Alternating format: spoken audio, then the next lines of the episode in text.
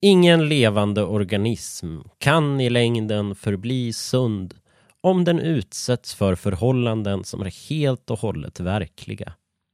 Somliga påstår att till och med lärkor och gräshoppor drömmer.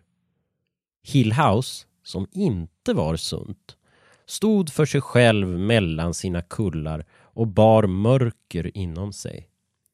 Det hade stått så i 80 år och skulle kunna stå i 80 till.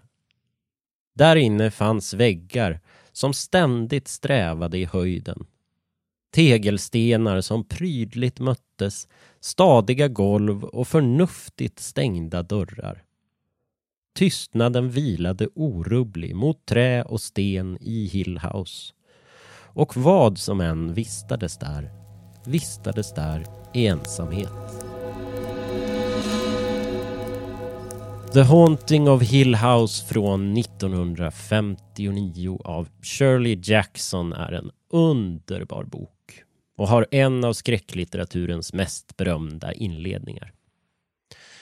Det var många som 2018 höjde på ögonbrynen när Mike Flanagan, som då var känd för skräckfilmer som Ouija Origin of Evil och Hush, skulle göra en tv-serie av den här boken.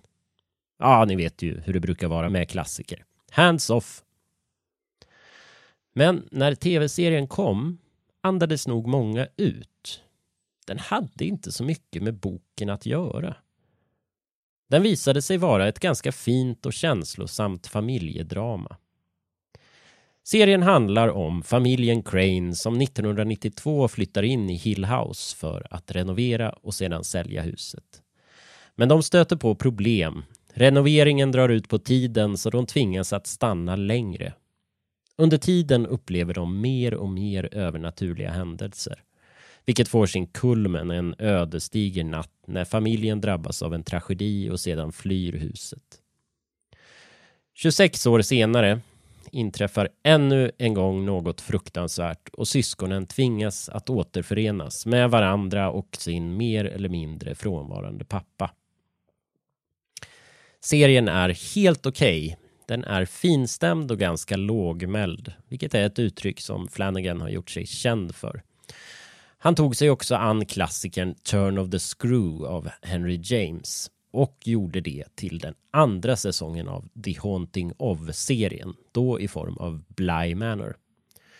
Och tidigare i höstas kom Flanagans alldeles egna berättelse Midnight Mass han har en ganska typisk stil, Flanagan, och det är lätt att känna igen sig i stämningar och musikval.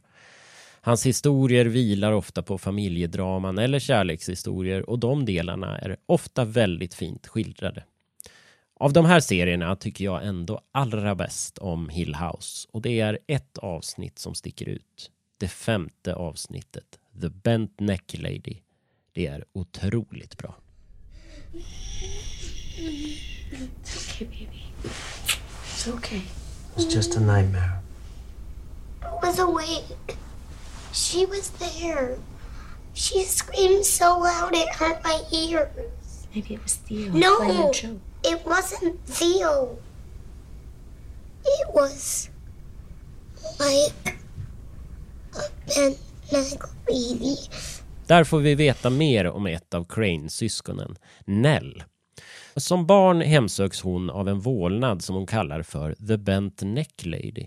En mörk siluett av en kvinna med böjd nacke som står vid hennes säng eller svävar ovanför henne när hon vaknar om nätterna. Nell lider av sömnparalys. Det är ett tillstånd som har fått väldigt mycket uppmärksamhet de senaste åren. Förr kallades det för att man reds av maran. Vissa delar av hjärnan vaknar före kroppen. Man kan öppna ögonen men man kan inte röra sig. Det känns som att man har blivit förlamad.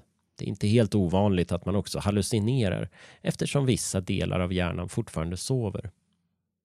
Somliga känner också en tyngd över bröstet, som att någon satt på en. Därav uttrycket ridas av maran.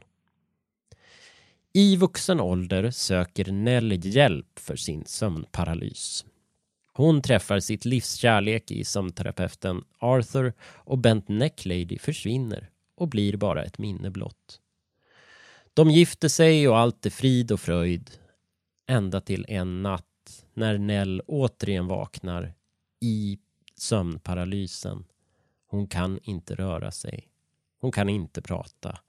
Hon tittar mot foten av sängen och där står The Bent Neck Lady igen.